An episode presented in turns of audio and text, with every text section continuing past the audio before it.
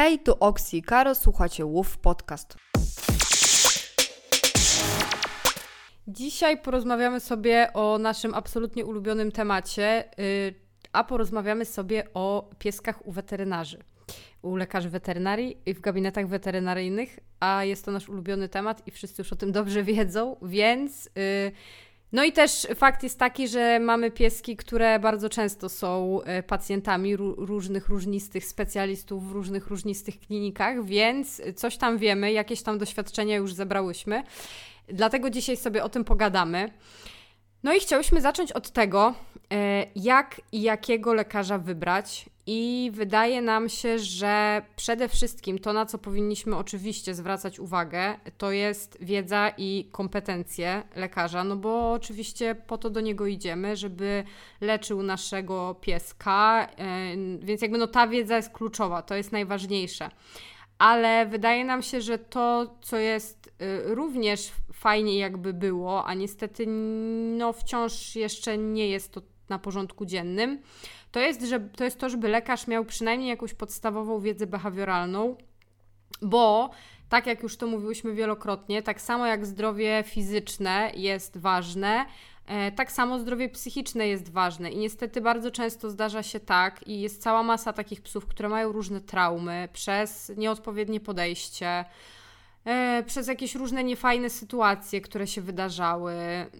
No, niestety są jeszcze takie miejsca i są tacy lekarze, którzy myślą, że najlepiej to zrobić wszystko siłą, i to jest ważny aspekt. Są też lekarze weterynarii, którzy nadal y, wierzą w teorię dominacji na przykład, o której gadałyśmy w ostatnim odcinku. tak, tacy też są, więc, yy, więc jakby to jest taka rzecz, na którą też na pewno warto zwrócić uwagę. I to, o czym też już powiedziałyśmy w ostatnim odcinku, ale to jest warte podkreślenia. Pamiętajcie, że internista to jest internista i tak samo jak my z bolącym zębem nie idziemy do internisty, tylko do stomatologa, dokładnie tak samo jest w przypadku psów. I w ogóle ja domyślam się, że oczywiście w mniejszych miastach jest z tym dużo gorzej, ale mm, no, my akurat mieszkamy w Warszawie i naprawdę tutaj, jeżeli chodzi o specjalistów, to każdego, co by tylko sobie człowiek nie wymyślił, to każdego specjalistę da się znaleźć, a jeśli nie w Warszawie, to w innych dużych miastach, więc yy, no warto, warto szukać specjalistów. I jeśli macie taką sytuację, że nie wiem, to jest wasz pierwszy pies i nie przerabialiście jeszcze na przykład problemów ortopedycznych i nie wiecie jak znaleźć dobrego specjalistę, to warto szukać opinii. Y, można pytać nas, bo my wszystko wiemy. My możemy wiedzieć nawet o jakichś specjalistach spoza Warszawy, więc wiecie. Tak, więc można pytać nas, można e, pytać na różnych grupkach, na Instagramie, no generalnie próbować zebrać jakieś opinie od ludzi, którzy na przykład korzystali z tych usług albo mają wiedzę, kto korzystał i tak dalej, bo no samemu może być ciężko, wiadomo, że te opinie w internecie czasami to tam, wiecie, no nie, nie do końca są wiarygodne, więc, więc warto na pewno gdzieś tam na własną rękę szukać, dowiadywać się. E, myślę, że właśnie też pod kątem tego nie tylko, czy ktoś jest, do, znaczy to przede wszystkim, czy ktoś jest dobrym specjalistą jakby w tym, co robi, ale też pod kątem tego, jakie ma podejście do zwierząt i mm, jakby czy, czy ta wiedza behawioralna jest przynajmniej na jakimś tam podstawowym poziomie, nie? A ja tutaj jeszcze do tego punktu, jakiego lekarza weterynarii wybrać i bardziej tak odnosząc się do wiedzy, o której Karo wspomniała na początku, yy, dodałabym jeszcze yy, takiego lekarza weterynarii, do, wobec którego będziecie y, mieli zaufanie. Bo myślę, że właśnie bardzo dużo spokoju daje zaufanie i wiecie, oczywiście jakby to nie wyklucza tego, że jeżeli macie jakąś diagnozę, którą e, chcielibyście potwierdzić po prostu z jakimś innym lekarzem, według mnie to jest w ogóle normalne i to wcale nie umniejsza waszemu lekarzowi prowadzącemu. Myślę, że nikt no, nie poczułby się urażony. Mm, no to tak ogólnie na co dzień, jak macie lekarza prowadzącego, ja odkąd zmieniłam gabinet i mam lekarkę, której ufam w 100%, to naprawdę ja jestem tak spokojna o swoje zwierzęta, bo cokolwiek mi tam wiecie, na czerwono się nie zaświeciło w wynikach badań. E, pytam, zadaję pytania, właśnie dostaję odpowiedzi i ja już po prostu wiem, na czym stoimy, albo e, co robimy, tak dalej, i tak, i tak dalej, i tak dalej. Także tutaj no to zaufanie według mnie jest bardzo ważne. No i kolejnym punktem, do którego przejdziemy, to to jak się przygotować do wizyty, wtedy kiedy już no, wiemy, że z jakiegoś tam powodu wizyta taka jest konieczna. Niezależnie od tego, czy to jest jakieś tam planowane szczepienie, czy nie wiem, pies w miarę, że tak powiem, niestandardowo się poczuł, czyli no nie wiem, pojawiła się na przykład jakaś tam biegunka, którą chcielibyście skonsultować z lekarzem, pokazać właśnie... Yy, Biegunkę. Nie no, pieska bardziej, żeby pomacał brzuszka i, i tego typu rzeczy, czyli tam no niezależnie od tego, czy to jest bardziej planowe, czy mniej, yy, wiadomo, nie mówię tutaj o rzeczach, które wymagają po prostu natychmiastowej interwencji lekarskiej, ale takie, że okej, okay, tam nie wiem, do jutra czekacie, tak, otwiera się gabinet i idziecie, no to jak się do takiej wizyty przygotować? No to ja generalnie zawsze y, jakoś planuję, o której w ogóle ta wizyta się odbędzie. Oczywiście fajnie, jeżeli są zapisy, bardzo propsuję zapisy na jakąś konkretną godzinę. E, ale jeżeli nie ma takiej możliwości, bo bardzo często też u małych, e, małych lekarzy weterynarii, w sensie w takich małych przychodniach, w małych przychodniach, w małych gabinetach, e, jeżeli to nie jest lekarz specjalista, to bardzo często takiej możliwości nie ma, ale też da się to fajnie rozwiązać. I albo ja tak robię, że jeżeli na przykład muszę mieć psa na czczo, bo na przykład planujemy pobranie krwi, to u nas gabinet się otwiera o 12, ale w sobotę na przykład otwiera się o 9 i ja wtedy nie planuję sobie y, pobranie krwi mm, w ciągu tygodnia, dlatego że y, pieski by mnie chyba zjadły, gdybym kazała być na głodniaka do 12, tylko po prostu planuję sobie to na sobotę i jak oni jedzą śniadanie o 9, y, o 8, to do dziewiątej to wiecie, da się przeżyć, nie? Nie, nie, nie zjedzą jeszcze wtedy. Nie ciebie. zjedzą, więc takie wiecie, tutaj bardziej e, takie flexibility. Um. Weź pomóż. A ty co, po pol polski język, trudny język? Polska język, trudny język. Um. No nieważne. elastyczność. O. E, taką elastyczność sobie zawsze zachowuję i dobieram ten czas wizyty. Też wiecie, czasem przyjdę na otwarcie, czasem zapytam, e, czasem po prostu zadzwonię jakoś w ciągu dnia i zapytam, że a jak tam na recepcji e, właśnie sytuacja, no bo jeszcze jak jest recepcja, no to już w ogóle super, bo wtedy recepcjonista, recepcjonistka widzi czy jest duży ruch, czy nie ma ruchu i wtedy albo wpadnę w ciągu dnia, albo właśnie sobie zaplanuję, że aha, dobra, no to przyjdę na otwarcie, ale żeby też uniknąć kolejek, to nie wiem, wpadnę 20 minut wcześniej i wolę poczekać 20 minut pod y, gabinetem przed otwarciem, niż na przykład załapać się na kolejkę i czekać na przykład godzinę, bo będą trzy pieski przede mną i tak dalej, więc tutaj ten czas wizyty bardzo warto zaplanować. Tak, i ym, to, co jeszcze warto jest robić, to ym, ja zawsze tak robię, szczególnie jeżeli jestem w jakiejś klinice pierwszy raz, to y, dzwonię wcześniej do, y, do kliniki. I po pierwsze, to y, zawsze informuję o tym, jaki jest mój pies, jakiego wymaga traktowania, co proszę, jakby w jaki sposób chciałabym, żeby lekarz i cała obsługa zachowywała się w stosunku do niego. E, I też warto, bo tego chyba jeszcze nie powiedziałaś, tak, żeby omówić z lekarzem mm, wcześniej to, co będzie robione. Tak, tego jeszcze nie mówiłam. Właśnie najpierw chciałam e, odnieść się do tego, że ty powiedziałaś, e, że jak jedziesz do nowej kliniki, tam gdzie jeszcze was nie znają, chociaż tak jak wielokrotnie z tobą gadałyśmy do, do tej kliniki, którą masz tu obok, to i tak 150 razy przy każdej wizycie musisz powtarzać to samo. Tak. Więc czasem nawet jak gdzieś tam nie łapiecie wspólnego języka z mm, lekarzem czy całą obsługą, to warto za każdym razem może nawet przypominać, że wasz pies to jest pies specjalnej troski, ale też jak e, w ogóle jest to jakaś nowa klinika, czy nowy gabinet, czy cokolwiek i jeszcze was nie znają, no to mm, a wy też nie znacie jakby tej kliniki, to warto się zorientować e, E, jaka jest poczekalnia, czy jest duża, czy mała, e, jak w ogóle przestrzeń wygląda i albo tam pojechać, albo Karo ma tutaj taki protip, że jeżeli nie macie możliwości pojechania wcześniej i się zorientowania, jak ta klinika właśnie jest usytuowana ogólnie, jeżeli chodzi od zewnątrz, czyli nie wiem, czy jest parking, czy albo jak nie ma klinika parkingu, to czy są ogólnie gdzieś tam miejsca do zaparkowania. E, czy nie wiem, jeżeli jedziecie komunikacją miejską, to jak daleko jest przystanek na przykład, e, ile jest terenów zielonych dookoła, czy będziecie mogli pójść po wizycie na jakiś spacer, żeby pies mógł się odstresować, jeżeli mu to pomoże, albo że może przed wizytą chcielibyście tam gdzieś się przejść, żeby pies się wysikał na przykład, no nie, i posprawdzał, zapoznał się z tą okolicą, no to też takie rzeczy można sobie po prostu na satelicie, na Google Maps y, sprawdzić, albo no faktycznie pojechać i po prostu to zobaczyć. Więc to jakby jest taka jedna kwestia. Oczywiście, jeżeli nie możecie pojechać, to y, co do jakby wnętrza y, kliniki, to też można zadzwonić i się zapytać, jak to tam wygląda w środku, albo posprawdzać też na nie wiem, Google, na mediach społecznościowych, może są jakieś zdjęcia i wtedy dacie radę sobie jakoś to tam e, zmapować teren, że tak powiem.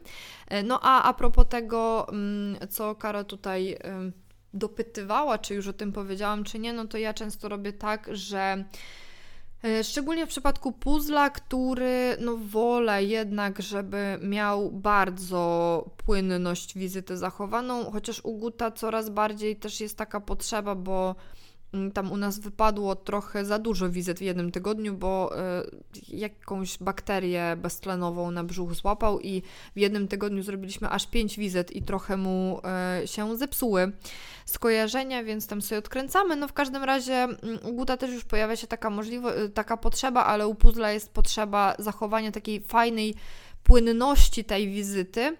E, tego przebiegu, żeby to wszystko było takie przemyślane, e, co skłania mnie do tego, że ja po prostu wcześniej e, omawiam z lekarzem, na przykład dzień wcześniej albo tego samego dnia przed naszą wizytą, co my w ogóle będziemy robić. Czy my się zgłaszamy na czyszczenie gruczołów, czy my się zgłaszamy, bo coś się z oczami dzieje, czy brzuch boli, czy łapka, coś tam, więc my po prostu omawiamy jakby całość.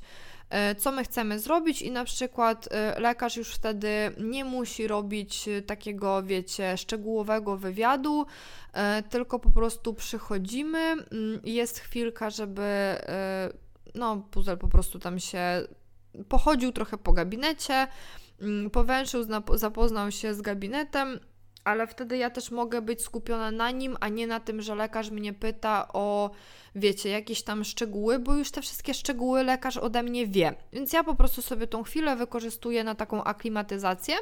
Potem robimy rzeczy. E, zgodnie z tym tam, że na w ogóle, jeżeli to jest więcej niż jedna rzecz, to ustalamy kolejność, w jakiej lepiej to zrobić i tak dalej. I potem e, no najczęściej on u mnie siada gdzieś tam na kocyku, do tego zaraz.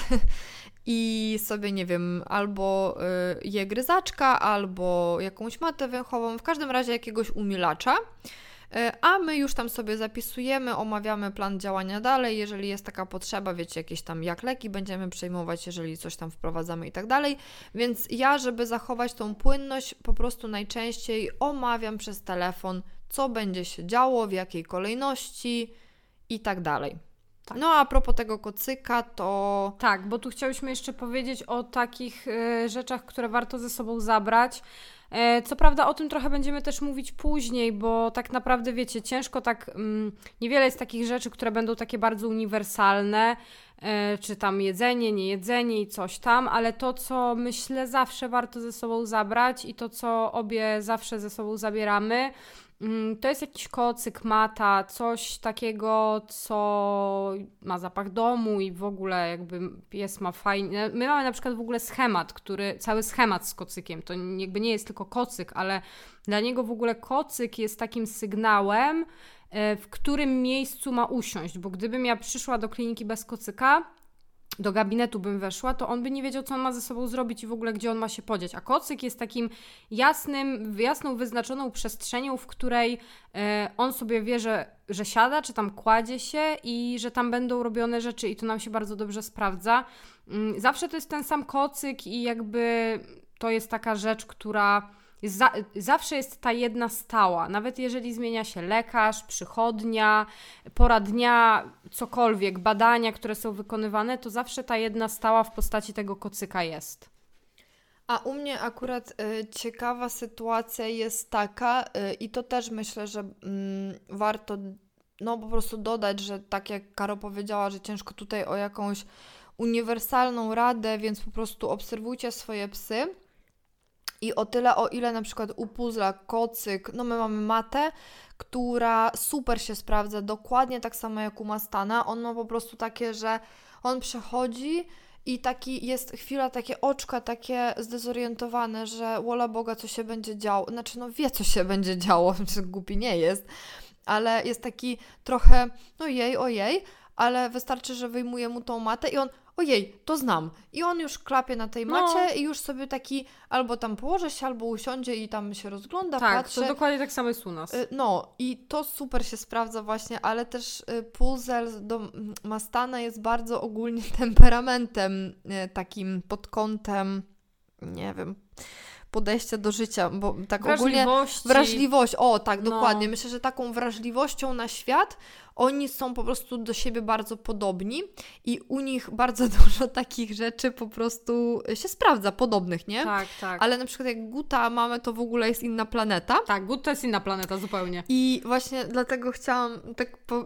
przetoczyć ten przykład, że jak ja mu wykładam kocyk, który zawsze mam ze sobą tak na wszelki wypadek. Bardziej po to, że y, jak badamy się na stole i widzę, że jest y, stół bez takiej, wiecie, nie jest ogumowany, czyli wiem, że będzie śliski, to po prostu ja kładę ten kocyk nie po to, żeby jakiś tam schemat, nie po to, żeby jakieś tam bezpieczne miejsce. Gut to wszystko tam ma w dupie. On mi powie, że ty się puknij w łeb, o co ci chodzi.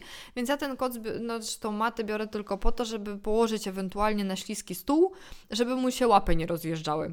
Ale jak położę mu kocyk na podłodze, to on jeszcze na mnie się wydrze, że ja chyba na łeb upadłam, że on tu przyszedł, przecież on tu musi teraz powęszyć, posprawdzać, pochodzić i jemu akurat ruch bardzo pomaga, więc jak ja mu położę tą matę, to on na zasadzie, że no, ty chyba nie wyobrażasz sobie, że ja sobie teraz usiądę i będę siedział i jeszcze mi się sfrustruje tym, że ja w ogóle zasługę, czy ja od niego tego nie wymagam, tylko ja mu kładę matę i sobie, jak będzie chciał, to może skorzystać, jak nie będzie chciał, to nie musi właściwie.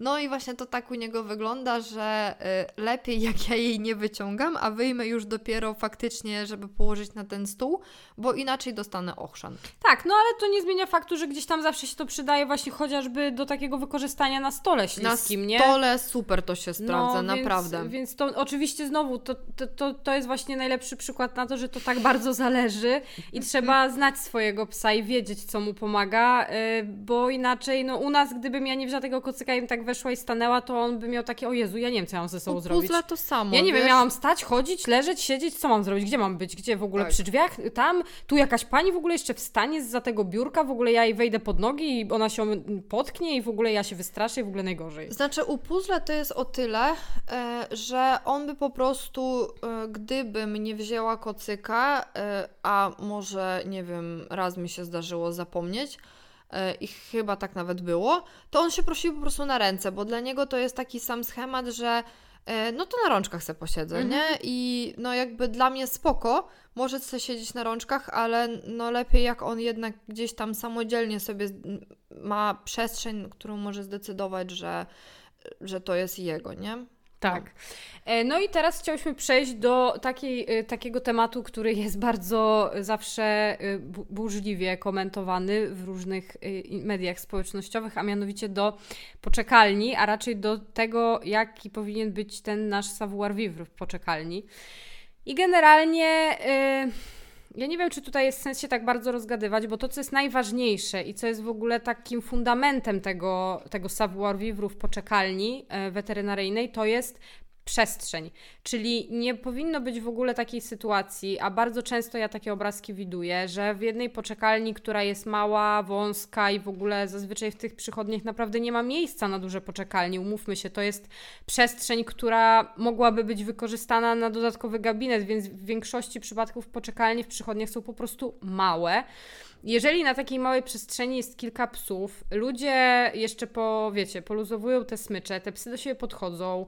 Sama wizyta dla naprawdę zdecydowanej większości psów już jest stresem. Do tego obce psy, w ogóle, które mogą w takiej sytuacji, w takim stresie zareagować zupełnie nieadekwatnie. Jakby po prostu poczekalnia. Przepraszam, adekwatnie w sensie ale... adekwatnie, nieadekwatnie chodzi mi o to, że gdyby wiem, te dwa wiem, psy ale spotkały wolę... się na przestrzeni polankowej, to by mogły fajnie sobie pogadać, a te same psy, jeżeli spotkają się w takiej sytuacji, to mogą na przykład zareagować agresją. Ja wiem, że o to Ci chodziło, ale chciałam, żebyś Ty to doprecyzowała Tak, że prostu. dla tych psów w tym momencie to jest adekwatne. Tak. tak, oczywiście, bo po prostu poziom stresu jest na tyle wysoki, ale więc jakby poczekalnia to nie jest miejsce na spotykanie piesków, to nie jest miejsce na socjalizowanie piesków ze sobą. Poczekalnia to jest miejsce, w którym najlepiej spędzić jak najmniej czasu, a najlepiej to w ogóle w nim nie spędzać czasu i właśnie ja na przykład robię tak zawsze.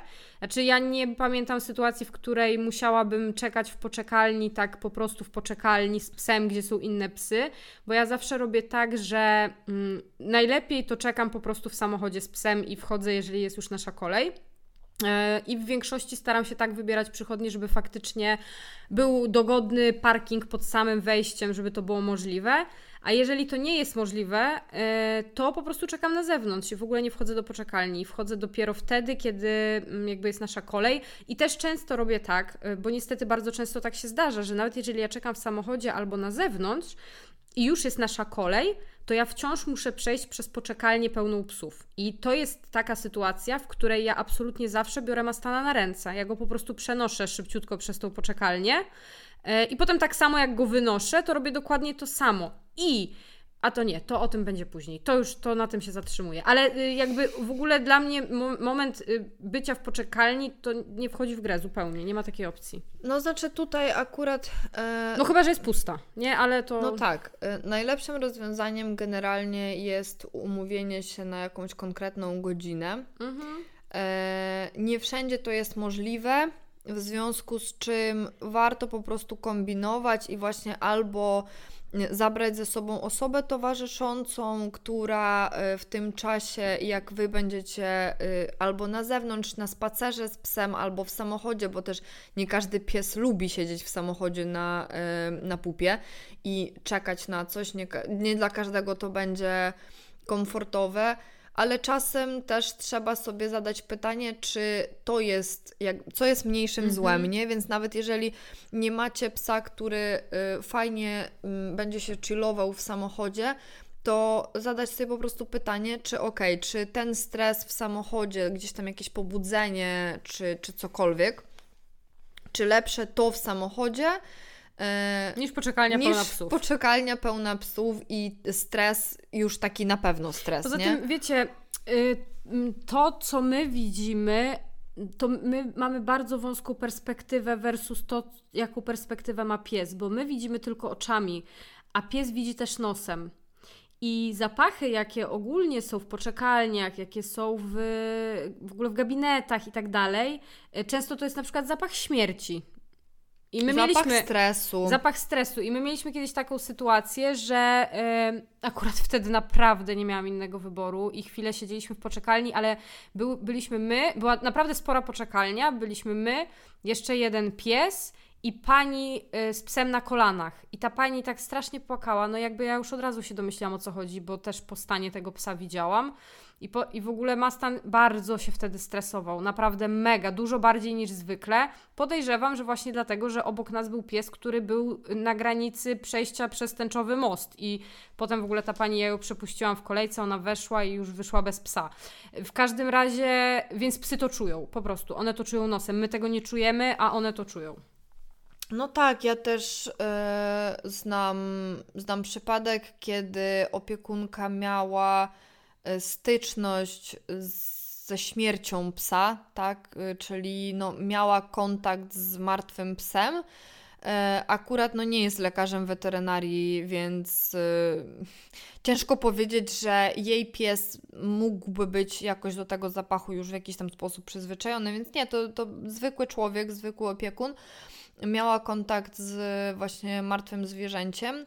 Wróciła do domu i jakby ewidentnie widziała po swoim psie, który jest ogólnie dosyć wrażliwy, że absolutnie był tak obniżony natychmiast nastrój, więc jakby no nie ma co tutaj dyskutować. Psy czują zapach śmierci, psy czują zapach stresu i ja, ja na przykład dlatego bardzo często wybieram e, odwiedzanie przechodni na otwarcie, nawet gdybym miała przyjść specjalnie, na przykład pół godziny czy 20 minut wcześniej, żeby na pewno być jako pierwsza, bo bardzo często właśnie też inni ludzie tak robią.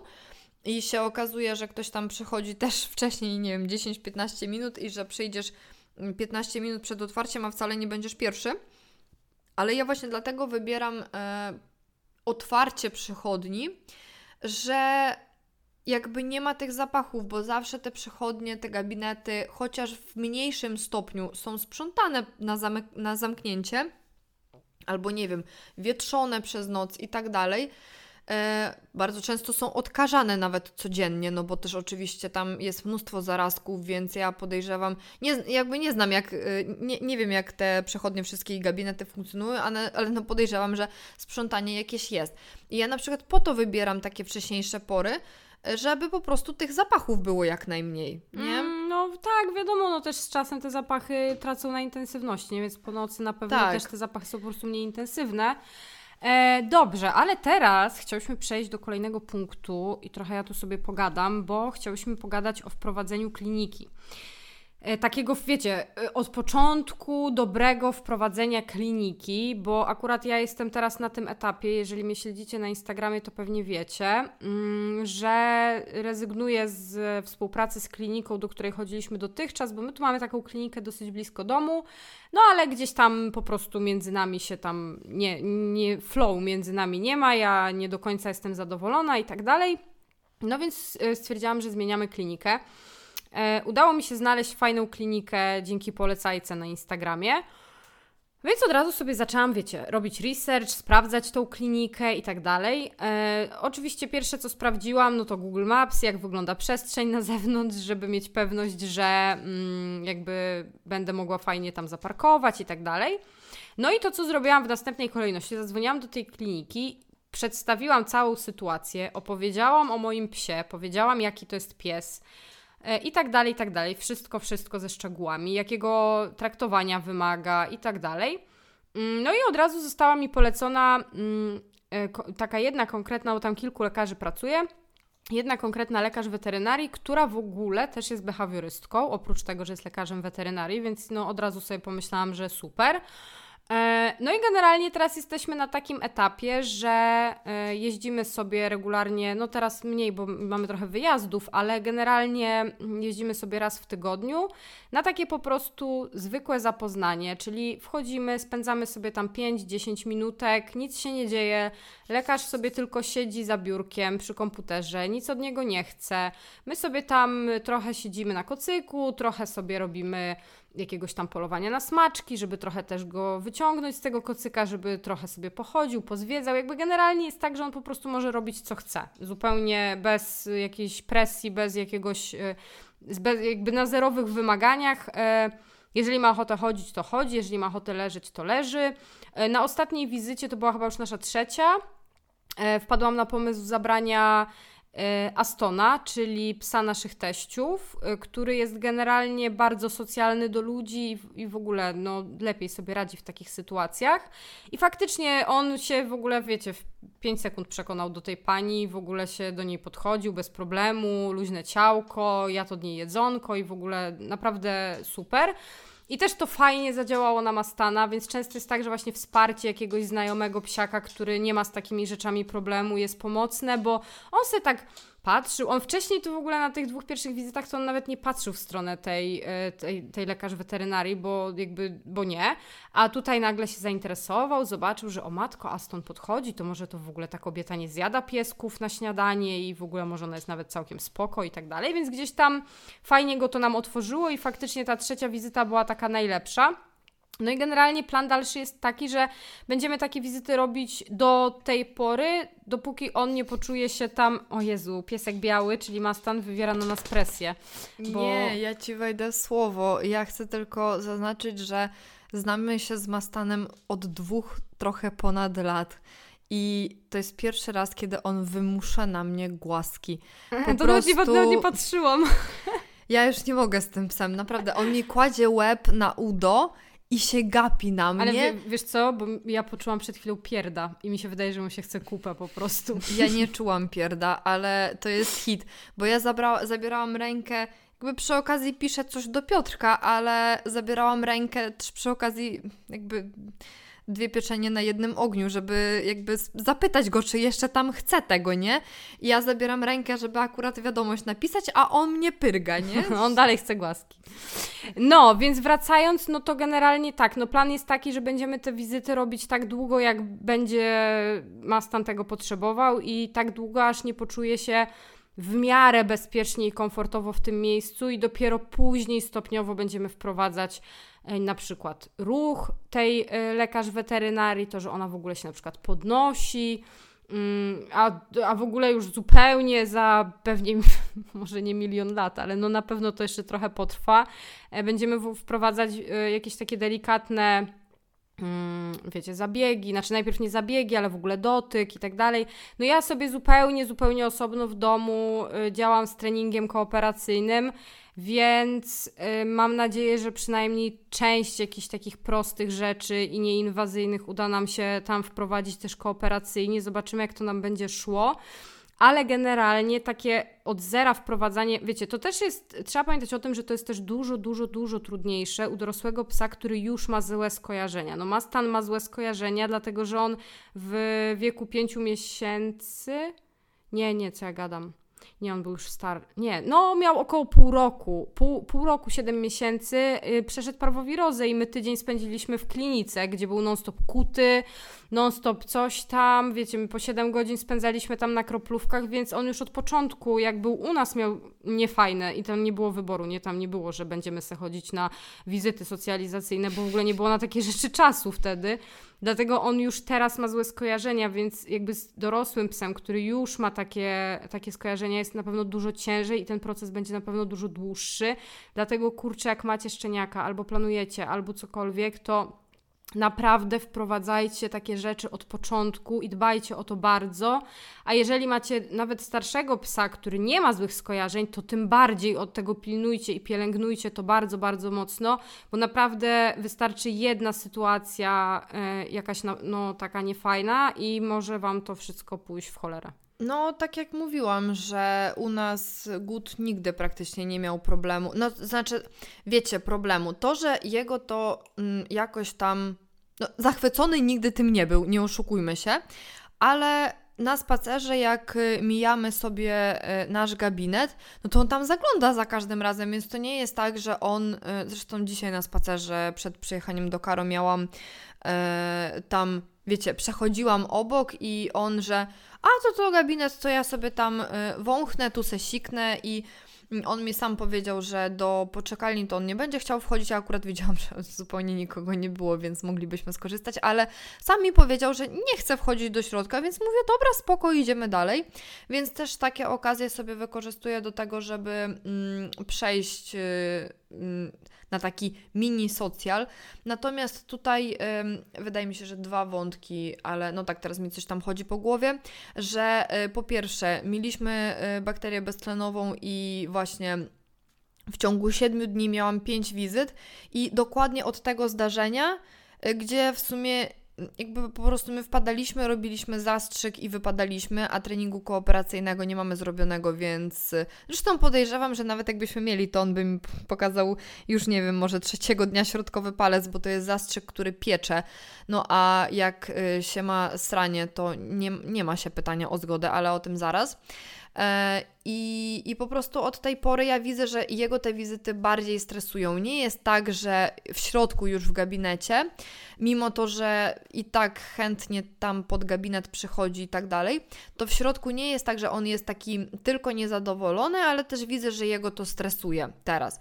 No i wiadomo, że da się to odkręcić jakby na spokojnie wszystko i tak dalej ale y, generalnie no, warto, warto o to dbać. Tak jak mówi Karo, i y, inny wątek, właśnie, ale tu już tak w sumie pokrótce o tym wspomniałam, że ja robię tak, y, że też robię po prostu wizyty socjalizacyjne. Czyli nie tylko właśnie tak jak Karo opowiadała o tym całym wprowadzeniu kliniki, ale nawet jak my mamy lekarza już powiedzmy wprowadzonego, tak, no bo mm, nie, nie robiłam w takim systemie super, y, jak Karo teraz robi, bo jakoś tak, nie wiem, nie wpadłam na to, ale też starałam się to zrobić jak najlepiej mi wtedy to przyszło do głowy, bo to też było rok temu i y, no wiadomo. E, natomiast ogólnie rzecz biorąc, to jak sobie wiem, że na przykład przez miesiąc albo nie wiem, przez 3-2 tygodnie nie będziemy przychodzić, a średnio tak raz w miesiącu jestem z jakiegoś tam powodu e, w gabinecie, no to po prostu sobie planuję tak na zasadzie, że aha, dobra, no to byliśmy na przykład tydzień e, temu, to jeszcze z tydzień odczekam i se wpadniemy o tak o. Nie i tam sobie przyjdę z psem i albo mi się zdarza w poczekalni, oczywiście jak nikogo nie ma, Mm, no to albo jakieś sztuczki tam porobisz, takie mm, głupotki treningowe, y, które gut lubi, lubi robić. E, albo wyjdziemy sobie do środka i tylko mm, nasza lekarz prowadząca tam mu jakieś smaczuszki y, da i to też jest inna kwestia.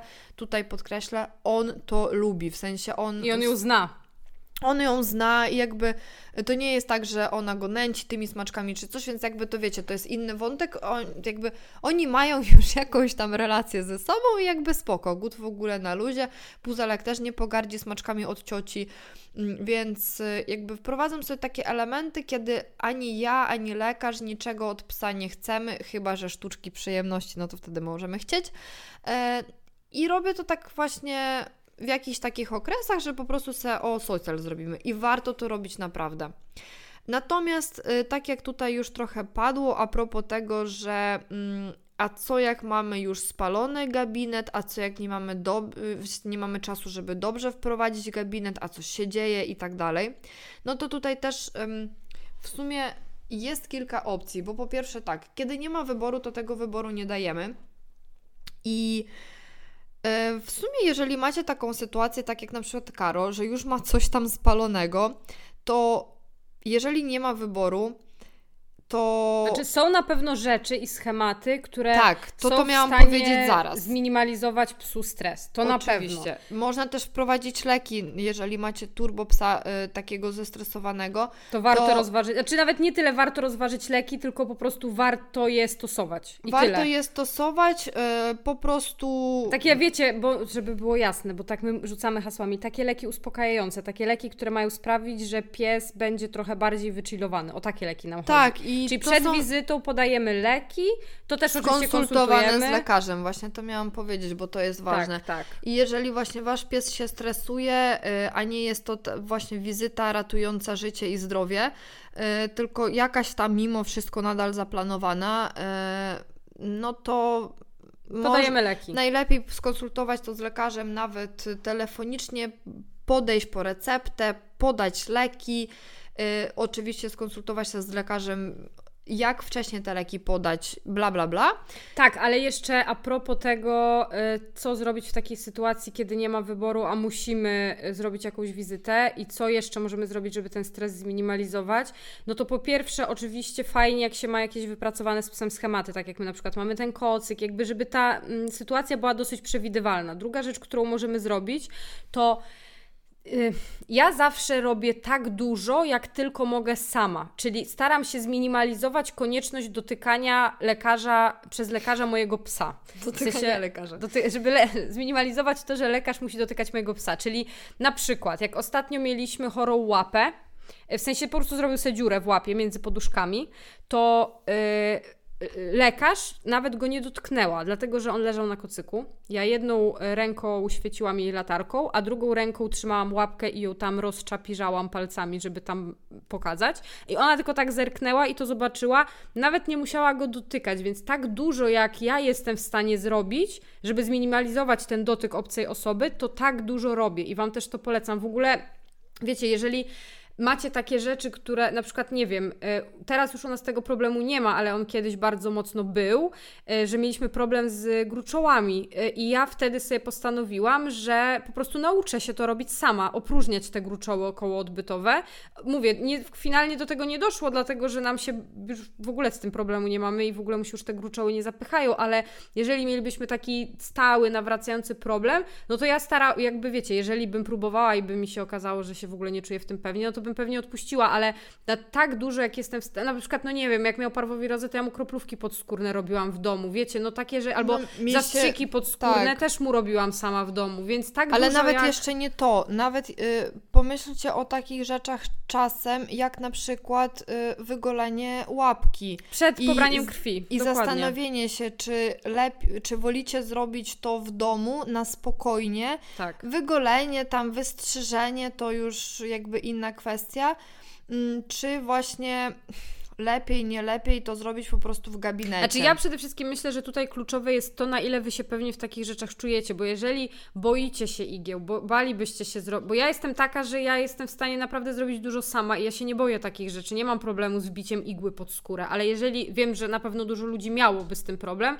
no to okej, okay, no to nie, no to wtedy lepiej zostawić to lekarzowi, ale jeżeli jesteście tacy, że czujecie się pewnie w takich zabiegach, no to im więcej jesteście w stanie zrobić sami, no to, to to tym lepiej, nie? Ale też wątek, już tak y, kończąc to, y, wątek, który tak naprawdę poruszyłam na samym początku, to jeżeli macie w ogóle taką sytuację, że już macie jedną klinikę spaloną, a i tak planujecie wdrażać nową, właśnie jesteście w trakcie y, nauki treningu kooperacyjnego, tak zwanego medycznego. O tym w ogóle chciałybyśmy nagrać osobny odcinek, mm, więc może taka lekka zapowiedź. Zobaczymy, y, czy nam się uda. Ale w każdym razie y, szykujemy dla Was pomału niespodziankę w tym y, zakresie. Natomiast jakby wiadomo, że to wszystko trwa, bo mm, no, nauka samego treningu kooperacyjnego to trwa w zależności od psa może trwać miesiąc, może trwać pół roku, więc wiecie. A może trwać latami. A może trwać w ogóle latami i oczywiście y, to, to jest kwestia indywidualna, a w międzyczasie może się pojawić x, y, z sytuacji, kiedy trzeba będzie pojechać do tego lekarza i chociażby zrobić elementarne pobranie krwi czy szczepienie bez żadnej zgody.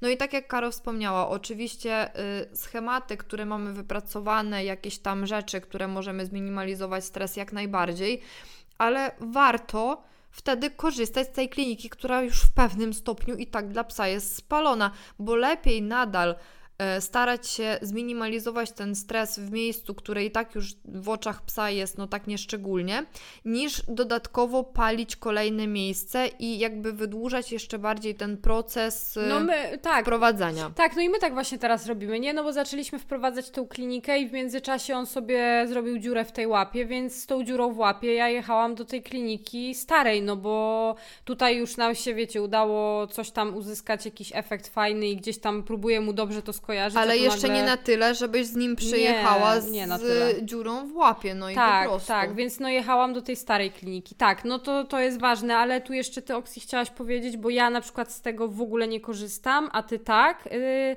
a propos wizyt domowych. Ach tak, oczywiście, yy, właśnie zapomniałam. No i tak, u Karo to jest właśnie taki schemat, że dom to jest oaza i yy, nikt tutaj absolutnie nie ma prawa nic ma stanowi robić i na przykład ja do nich przechodzę już nie, nie wiem ile razy, a prawda jest taka, że dotknęłam Mastana chyba drugi raz w życiu dzisiaj. Znaczy nie, to w ogóle, znaczy nie, to, to nie jest tak, że w, u nas w domu jest taka zasada, to w ogóle jest nie, taka zasada, że go nikt nie dotyka w sensie, po prostu, jeżeli on tego nie chce, no nie? I know. Bardziej chodzi o to, że w domu... Mm, Nie no jak, jak, przechodzą ci jacyś, nie wiem, listonosze, kurde, yy, kominiarze, ktoś tam, coś tam, no to po prostu dla tych ludzi psa nie ma i dla Mastana to jest coś, co buduje mu w domu poczucie bezpieczeństwa, koniec, kropka. No jakby tak, taką tak. przejęłaś zasadę, no tak. co tu dużo mówić, no tak. po prostu. E, bo też to wynika w sumie z tego, że e, wy jesteście w stanie tak ogarnąć, bo na przykład on lubi jeździć samochodem. Puzel na przykład nie lubi jeździć samochodem i o ile w przypadku Guta, to bym też nie zdecydowałam się na wizytę. Dlatego, zobacz, znowu, jak bardzo to zależy. To bo zależy, u nas tak. mniej, mniejszym problemem i stresem jest tak. pojechanie tak. do kliniki, bo tak. na przykład sama podróż samochodem nie stanowi problemu. Tak. Więc zawsze trzeba, wiecie, ważyć sobie za i przeciw i w której tak. opcji więcej więcej jest tych za, no bo u nas y, zdecydowanie więcej za jest, żeby jeździć do kliniki, nawet jeżeli to są jakieś tam, wiecie, y, rzeczy, które można byłoby zrobić w domu to samo na wizycie u mnie domowej. jest y, y, jakby więcej za przemawia y, no za wizytami po prostu w gabinecie w przypadku Guta, bo chociażby to, że ja z nim mogę przy okazji spaceru podejść, po prostu, tak, no. bo on tam mnie zaprowadzi i ja w zależności od tego, czy ja czegoś potrzebuję, czy nie potrzebuję, albo po prostu powiedzieć mu, że idziemy w, tam i wiecie, on głupi nie jest, on wie, że tam jest nasz gabinet no. i co to jest tam. I też bardzo, ja bardzo często w ogóle sobie biorę na przykład książeczkę zdrowia na wizytę i on po książeczce zdrowia zawsze wie, że na pewno będziemy iść tam i że no po prostu trzeba tam iść. Mm, no, więc jakby u Guta u mnie dużo, dużo więcej jest za tym, żeby po prostu z nim pojechać albo pójść, w zależności od tego, czy to jest nasz gabinet, czy jedziemy do specjalisty. Natomiast jeżeli chodzi o puzzle, to u nas ostatnio w kontekście, to nie wiem, widzieliście, nie widzieliście, robiliśmy zabieg na ząbkach, mieliśmy usuwanie trzech ząbków i no to jest zabieg w znieczuleniu i o tym w innym odcinku.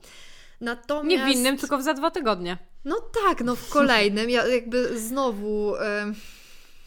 Spoiler alert. Tak, dokładnie. E, także tak, będziemy też o tym gadać, y, bo myślę, że to jest ważne i może wielu osobom się przydać po prostu.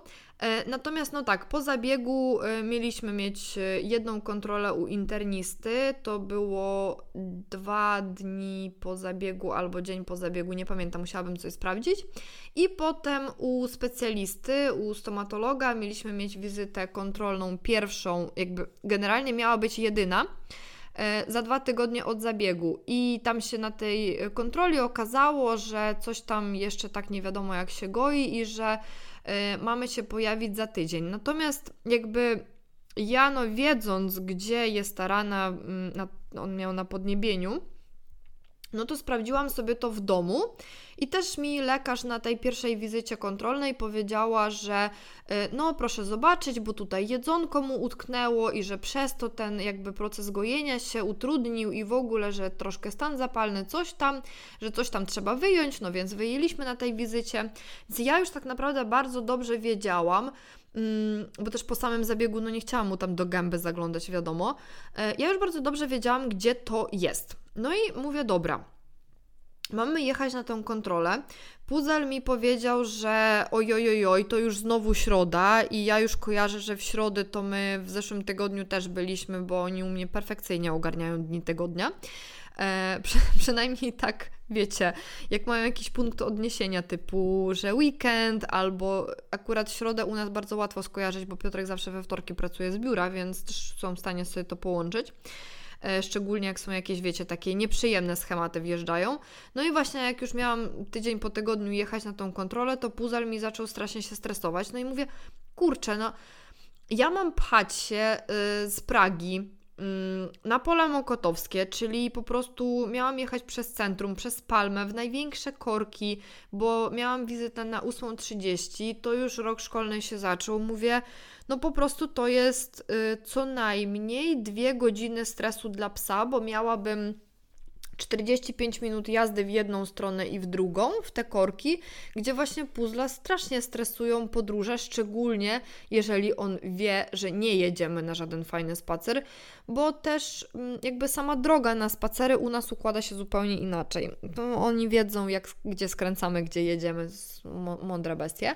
W każdym razie ja stwierdziłam, że no i wiecie, tak z pół godziny na miejscu, coś tam stwierdziłam, że kurde, ja mu zaraz zafunduję prawie dwie godziny stresu tylko po to, żebym przyjechała i żeby mi powiedzieli, że tak, no tutaj już prawie się zagoiło, coś tam, ale dla mnie najważniejsze było to, czy jest potrzeba wprowadzania antybiotyku, czy nie. No i mówię, że dobra, okej, okay, to zagadam moją e, lekarz weterynarii, prowadzącą, po prostu internistę moją i się zapytam, czy mogłoby wpaść do mnie na wizytę domową. I wiecie, to było o tyle super, że u mnie nie wiem, czy mm, widzieliście, czy nie widzieliście, ale generalnie puzel bardzo lubi wchodzić na stół. Taki z niego trochę pies, trochę kot. I on się nauczył wskakiwać mi normalnie na stół po krzesłach. E, w związku z czym ja to po prostu stwierdziłam, że sobie wykorzystam. I jak my mamy jakieś takie zabiegi, e, takie właśnie pielęgnacyjne, gdzie nie używam schematu, że robimy to albo na legowisku, albo na łóżku w sypialni, bo to tam w zależności od czynności mamy inne schematy. Ale są takie właśnie rzeczy, gdzie najwygodniej mi jest mieć psa na górze, jakby tak, no żeby wysoko był, nie? E, no i właśnie to sobie wykorzystałam pod to, że jak przychodzi do mnie nasza Asia, no to on sobie sam bardzo wesoło wskakuje na ten stół, bo też ma tam matę antypoślizgową i on już wie, że jak bierzemy tą matę, no to że na stole będziemy coś robić. W gabinecie to wiecie, to jest inna kwestia, bo ja muszę go podnieść i tak dalej. A w domu on radośnie i wesoło tam wskakuje i siup i już w ogóle super, nie? Więc cały stres no trwał może jakieś, nie wiem, maksymalnie 20 minut. Z tym, że trochę stresu mu wprowadził głód, bo tam mózg mu trochę wybuchł, e, trochę e, coś tam, więc generalnie ujmując, e, to z, powiedzmy z dwóch godzin zreduku, zredukowałam mu do 20 minut. I właśnie w takich sytuacjach u tego typu psów warto rozważyć wizyty domowe, bo po prostu sprawdzają się no ekstra. No tak, no i wiadomo, że to oczywiście nie zawsze jest możliwe, w sensie są takie zabiegi, czy jakieś tam wizyty, czy jakieś specjalistyczne czynności badania. prostu? Czynności, że to nie będzie możliwe, ale jeżeli jest to możliwe, a Wy oceniacie, że w przypadku Waszego psa to będzie lepsze rozwiązanie, no to warto z tego skorzystać, nie? Albo przynajmniej, no i jeżeli lekarz też Wasz jest w stanie po prostu dojeżdżać na wizyty domowe, no bo nie każdy dojeżdża po prostu. No ja teraz to tak naprawdę korzystałam dopiero drugi raz ever. No. A tak to, no w większości, wiecie, na jakieś tam pobranie krwi czy coś, no to wolę jednak w gabinecie, bo też lekarz i te próbówki może przechować już tak odpowiednio i tak dalej, no, i tak no, dalej, no. więc to wiadomo, że e, tak jak Karo mówi, no nie wszystko jest możliwe, ale w niektórych po prostu sytuacjach warto to rozważyć. Tak, no i teraz y, chciałyśmy, bo jeszcze nam trochę punktów zostało Oksi, chciałyśmy przejść do tego, y, bo może jest znaczy może będzie kiedyś tak, albo może teraz jest tak, że będzie nas słuchał jakiś lekarz weterynarii, albo technik weterynarii, e, albo na przykład osoba pracująca na recepcji. I chciałyśmy tutaj powiedzieć, co z naszej perspektywy, czyli z perspektywy behawiorystek, ważne jest w kontekście tego, co obs cała obsługa kliniki, czyli wszystkie osoby pracujące w klinice, e, jak powinny się zachowywać w stosunku do psów. I teraz ja bym tutaj nie rozgraniczała psów na te, które są lękliwe, które nie są lękliwe, które się boją ludzi, które się nie boją ludzi, bo tak jak już mówiłyśmy wcześniej, mm, sytuacja, jakby wizyta w gabinecie jest dla większości psów stresująca i lepiej przyjąć takie założenie. I teraz tak. E, ale ja, jakie założenie? Ta, takie, zało takie założenie, żeby wszystkie psy traktować tak, jakby były psami specjalnej troski. W sensie. O tak, zdecydowanie. W sensie po prostu, że no wiecie. I teraz tak, pierwsza ważna rzecz, i myślę, że. No bo oczywiście, wiecie, to, to takie oczywiste rzeczy typu nie wyciąganie rąk do psa, nie głaskanie go po głowie i tak dalej. Nie no to to jest... nie wgapianie. Właśnie się. chciałam to powiedzieć, że te niewyciąganie rąk to jest oczywista oczywistość. W sensie to myślę, że większość ludzi o tym wie wie i, i tak dalej, ale dla wielu psów bardzo dużą taką presją i stresem będzie już samo patrzenie się, będzie mówienie, cmokanie.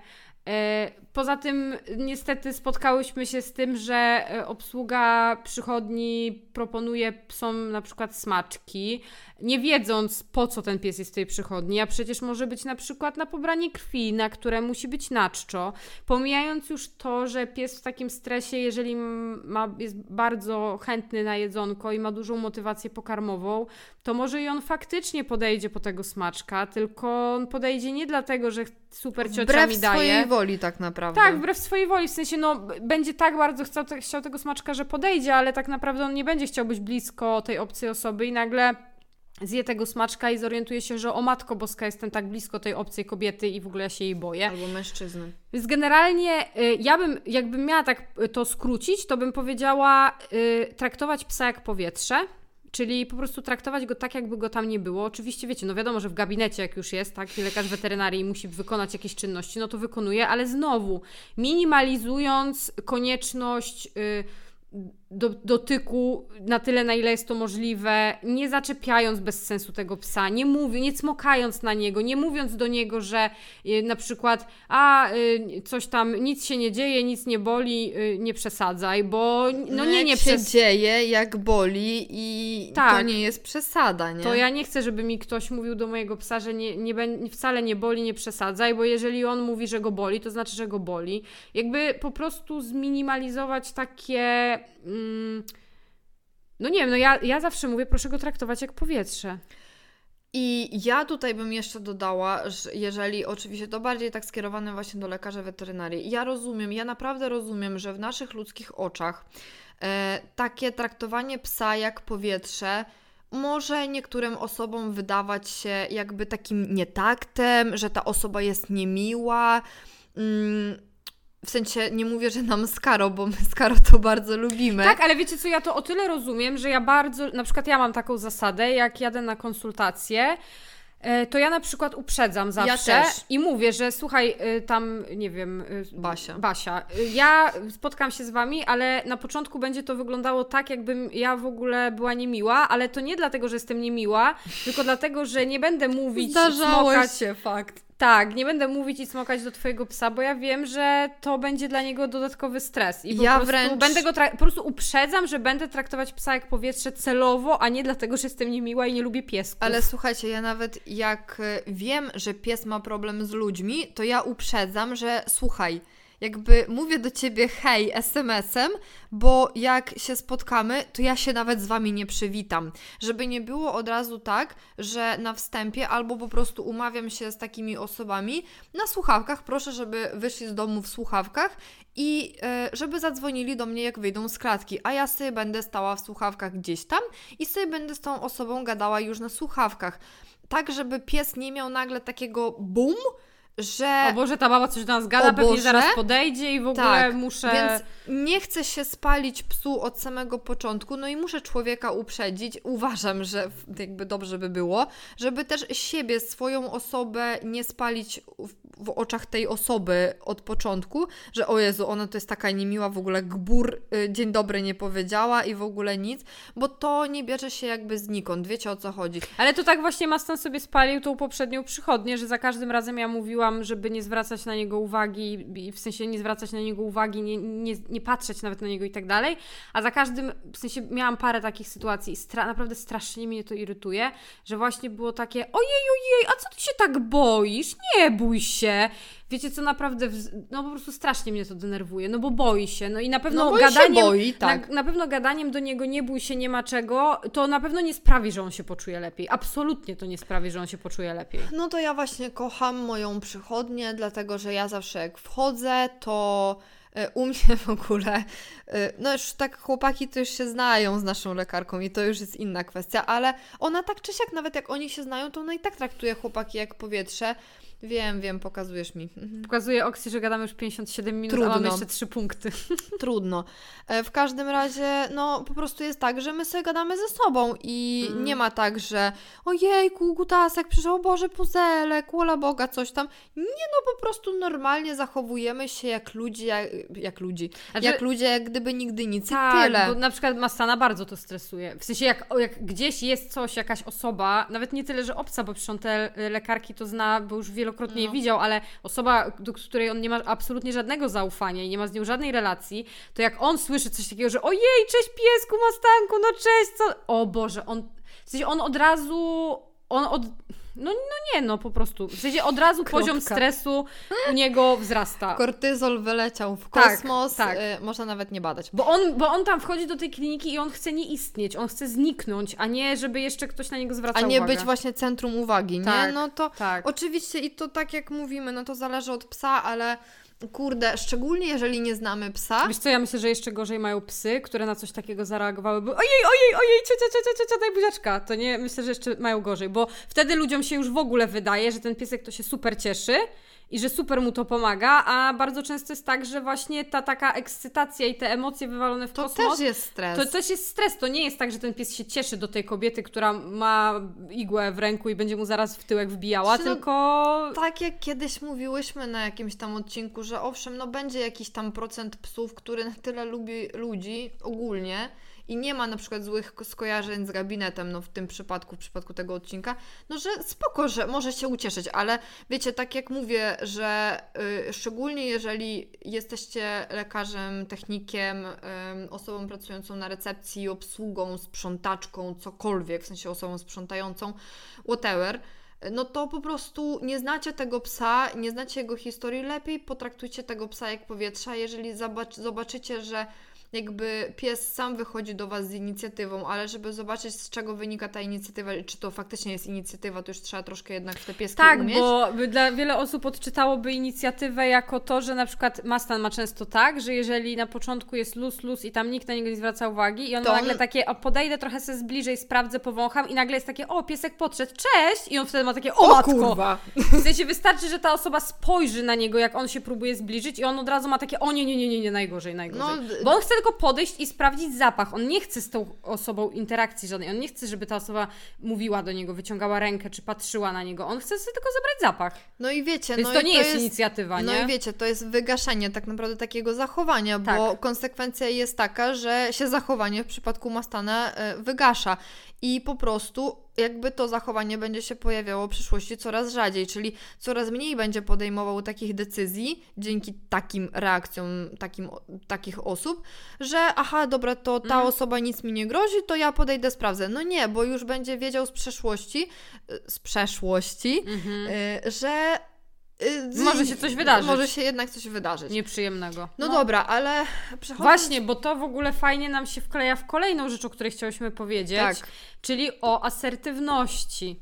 I słuchajcie, bo to jest, ja to zawsze jak o tym mówię, to ym, staram się bardzo postawić na miejscu osób, które mają zupełnie inaczej niż ja, w sumie niż my, bo my jesteśmy ogólnie takimi, wiecie, osobami Yy, nie wiem, jak, jakiego słowa użyć. No, że jakby my zupełnie nie mamy problemu z asertywnością. Ale też nie do końca, bo pamiętasz, jak opowiadałam Ci, jak byłam w pewnej klinice warszawskiej na y, wizycie u stomatologicznej z Gutem i on po prostu wybitnie się stresował, ale tak się stresował, że ja byłam szczerze mówiąc w szoku, że w ogóle on tak się stresuje, ale nie był to gabinet taki, wiecie, nasz, więc być może to wynikało z tego, że jest to klinika, w której był bodajże drugi raz w życiu i y, pierwszy raz w życiu był bardzo dawno temu, więc być może to wynikało z nowego miejsca. Ale w każdym razie ja mi nie zatkało, bo ja szczerze mówiąc liczyłam na bardzo wysoki poziom obsługi tej y, kliniki i mnie zatkało, jak ja zobaczyłam, e, co e, robią technicy weterynarii, po prostu, no jacyś tam ludzie przechodzący, właśnie tak widać w tych, wiecie, mm, jak te ciuchy nazywają się weterynaryjne, nie pamiętam. Kitle?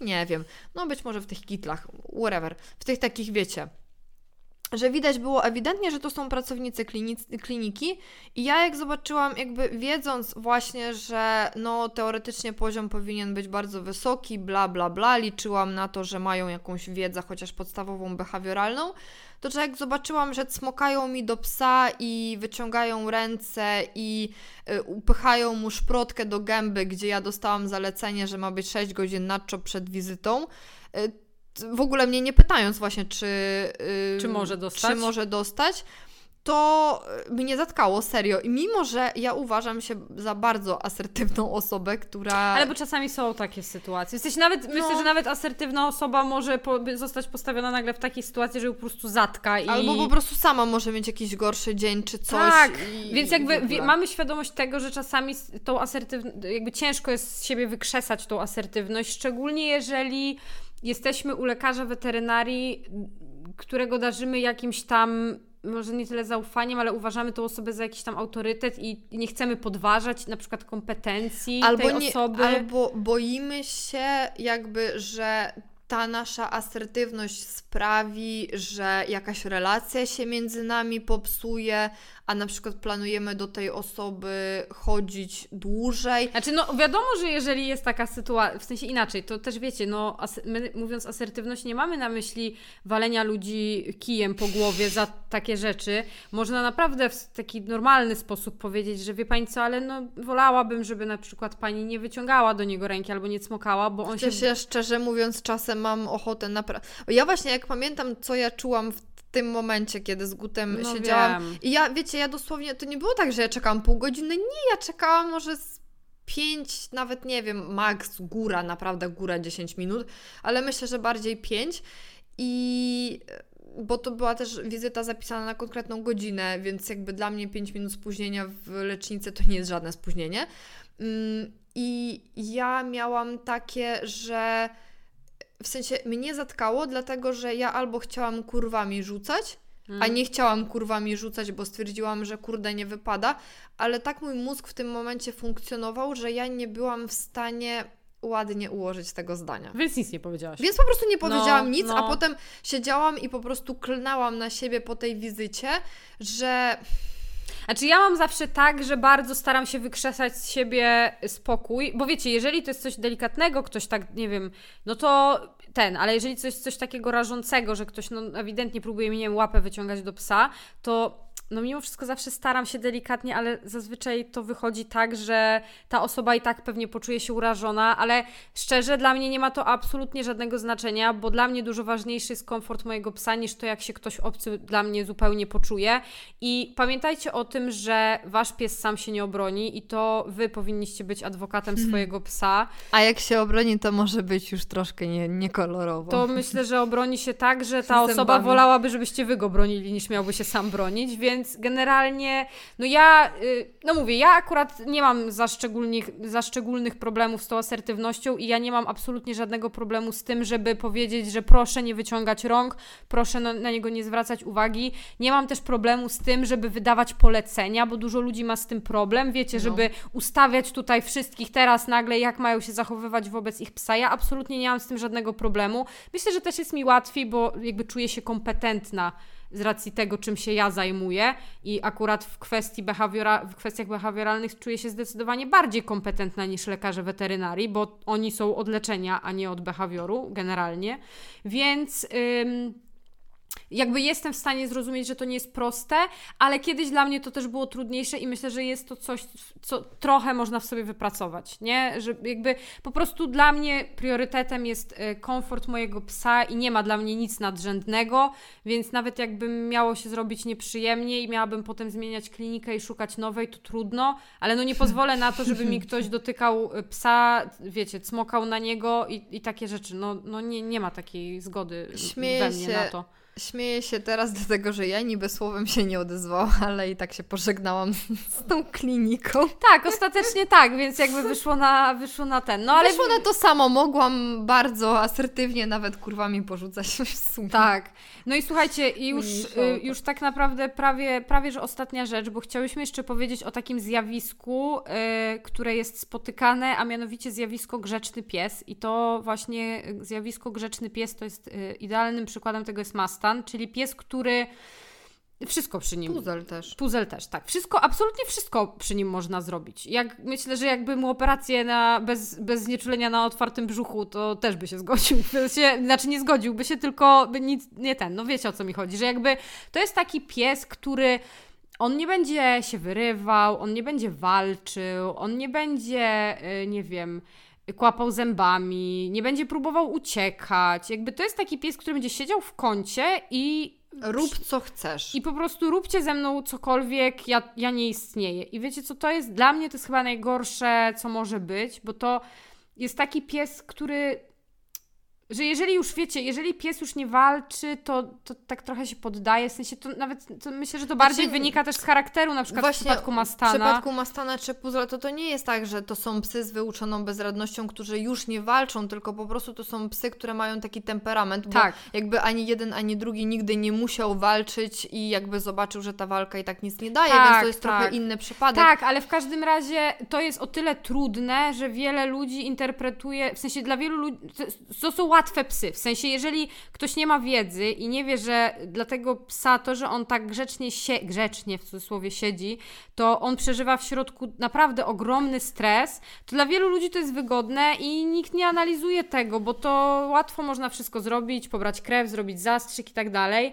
E, No i takie psy mają przerąbane. Ja myślę, że tu nawet nie chodzi o to, czy mają przerąbane, czy nie, bo myślę, że jednak y, słuchają nas dosyć świadome osoby i nawet jeżeli macie takie psy, to nie sądzę, żeby miały przerąbane, tylko bardziej chodzi o to, że w sensie na pewno u świadomych osób nawet takie psy, które idą w zamrożenie, a nie ucieczkę, e, to... Albo walkę. Al, no albo walkę, tak dokładnie.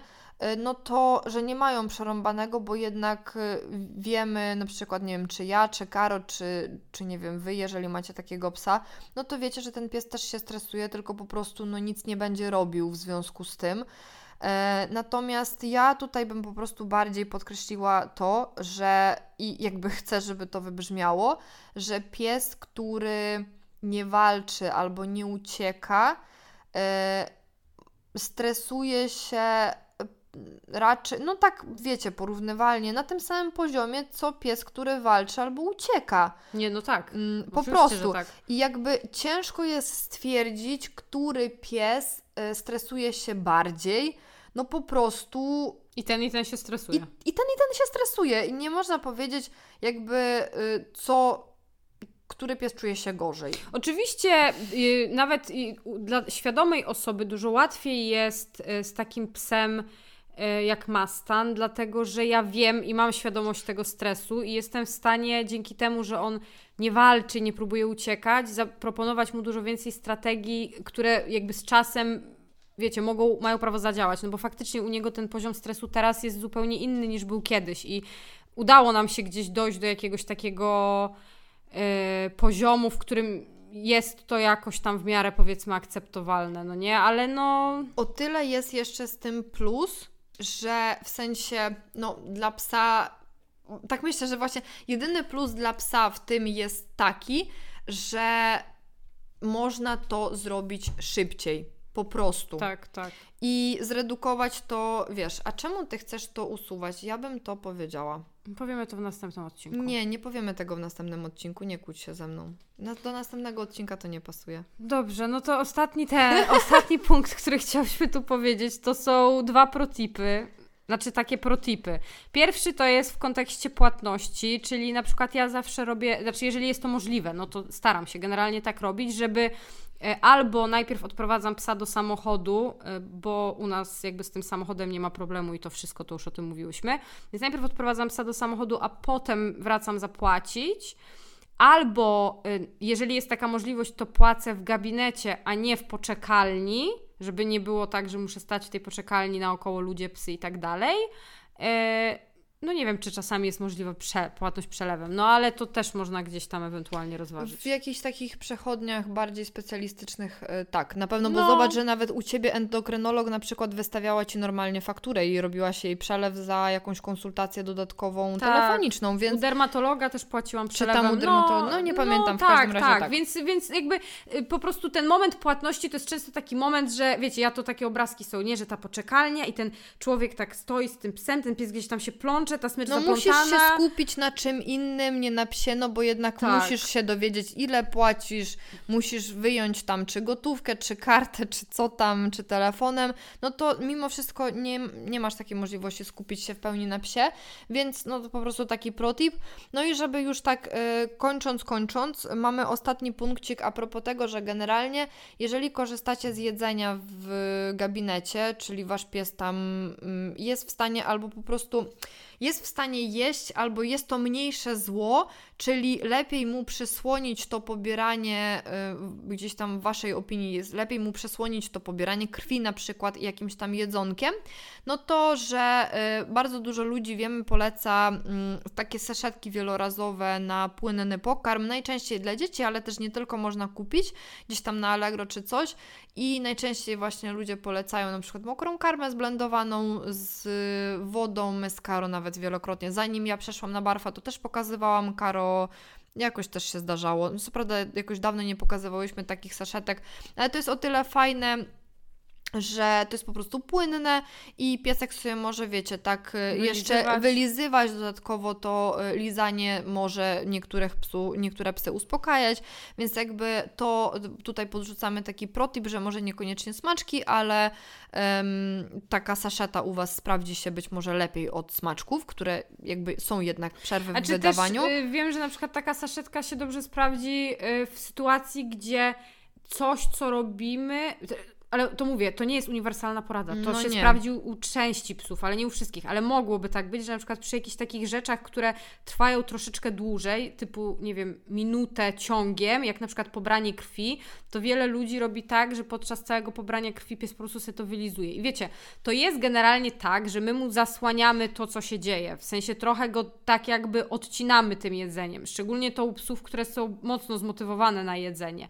Ale czasami jest tak, że to jest dużo lepsze lepsza droga, niż gdyby tego jedzenia miało nie być. Czasami jak nie ma wyjścia, to lepiej zasłonić psu oczy tym jedzeniem i jedzenie, jedzenie, jedzenie, nic się poza tym nie liczy, niż ten pies miałby jeszcze bardziej stresować się tym, że tam robią mu rzeczy, pobierają krew. Więc to, wiecie, to mówię, to nie ma takich uniwersalnych porad, nie? Czasami mhm. mogłoby być też tak, że w takiej sytuacji pies, który jest tak sfokusowany na to jedzenie i nagle by go coś zabolało i on by był taki odcięty i nie widziałby co się dzieje i nagle by go coś zabolało, mógłby dużo intensywniej i dużo szybciej i gwałtowniej zareagować agresywnie, bo nie, nie był przygotowany, bo by, tak zasłoniliśmy mu tym jedzeniem oczy i nagle tam igła się wbiła i on takie, o matko, w ogóle nie byłem przygotowany, nie widziałem, że tam się ktoś zbliża i wiecie, i chlast, yy, jakieś tam ugryzienie czy coś, więc to nie da się tak powiedzieć, że na, zawsze u każdego to się sprawdzi, albo to, no albo nie, coś bo tam, u mnie nie? przecież puzzle to w Gucie już też przestał. On na stole jak jest, to on nawet nie weźmie smaczka do buzi, więc to wiecie. Tak, no e, właśnie, no to, to zależy. To mówimy o takich psach, gdzie wy faktycznie sobie wrzucacie to na wagę, tak, i jednak to jedzenie gdzieś tam przeważa. Tak, tak. I myślę, że na tym będziemy kończyły, bo już Długi wyszedł odcinek. Długi bardzo. wyszedł odcinek. E, także tak, żegnamy się z Wami na dzisiaj. Przypominamy, że możecie nam postawić kawkę. Linki są w opisie. W razie jakbyście chcieli pogadać, to też w opisie odcinka są linki do naszych profili, więc piszcie na, piszcie, piszcie na priwa, y, sobie możemy pogadać, y, udostępniajcie, lajkujcie, bo to też jakbyście chcieli, żeby ten odcinek i wszystkie inne odcinki trafiły do większego grona osób, to y, no po prostu to jest jedyna droga. No i to tyle. Dzięki, że byliście dzisiaj z nami. Żegnamy się z Wami. Słyszymy się za dwa tygodnie. Pa! Pa!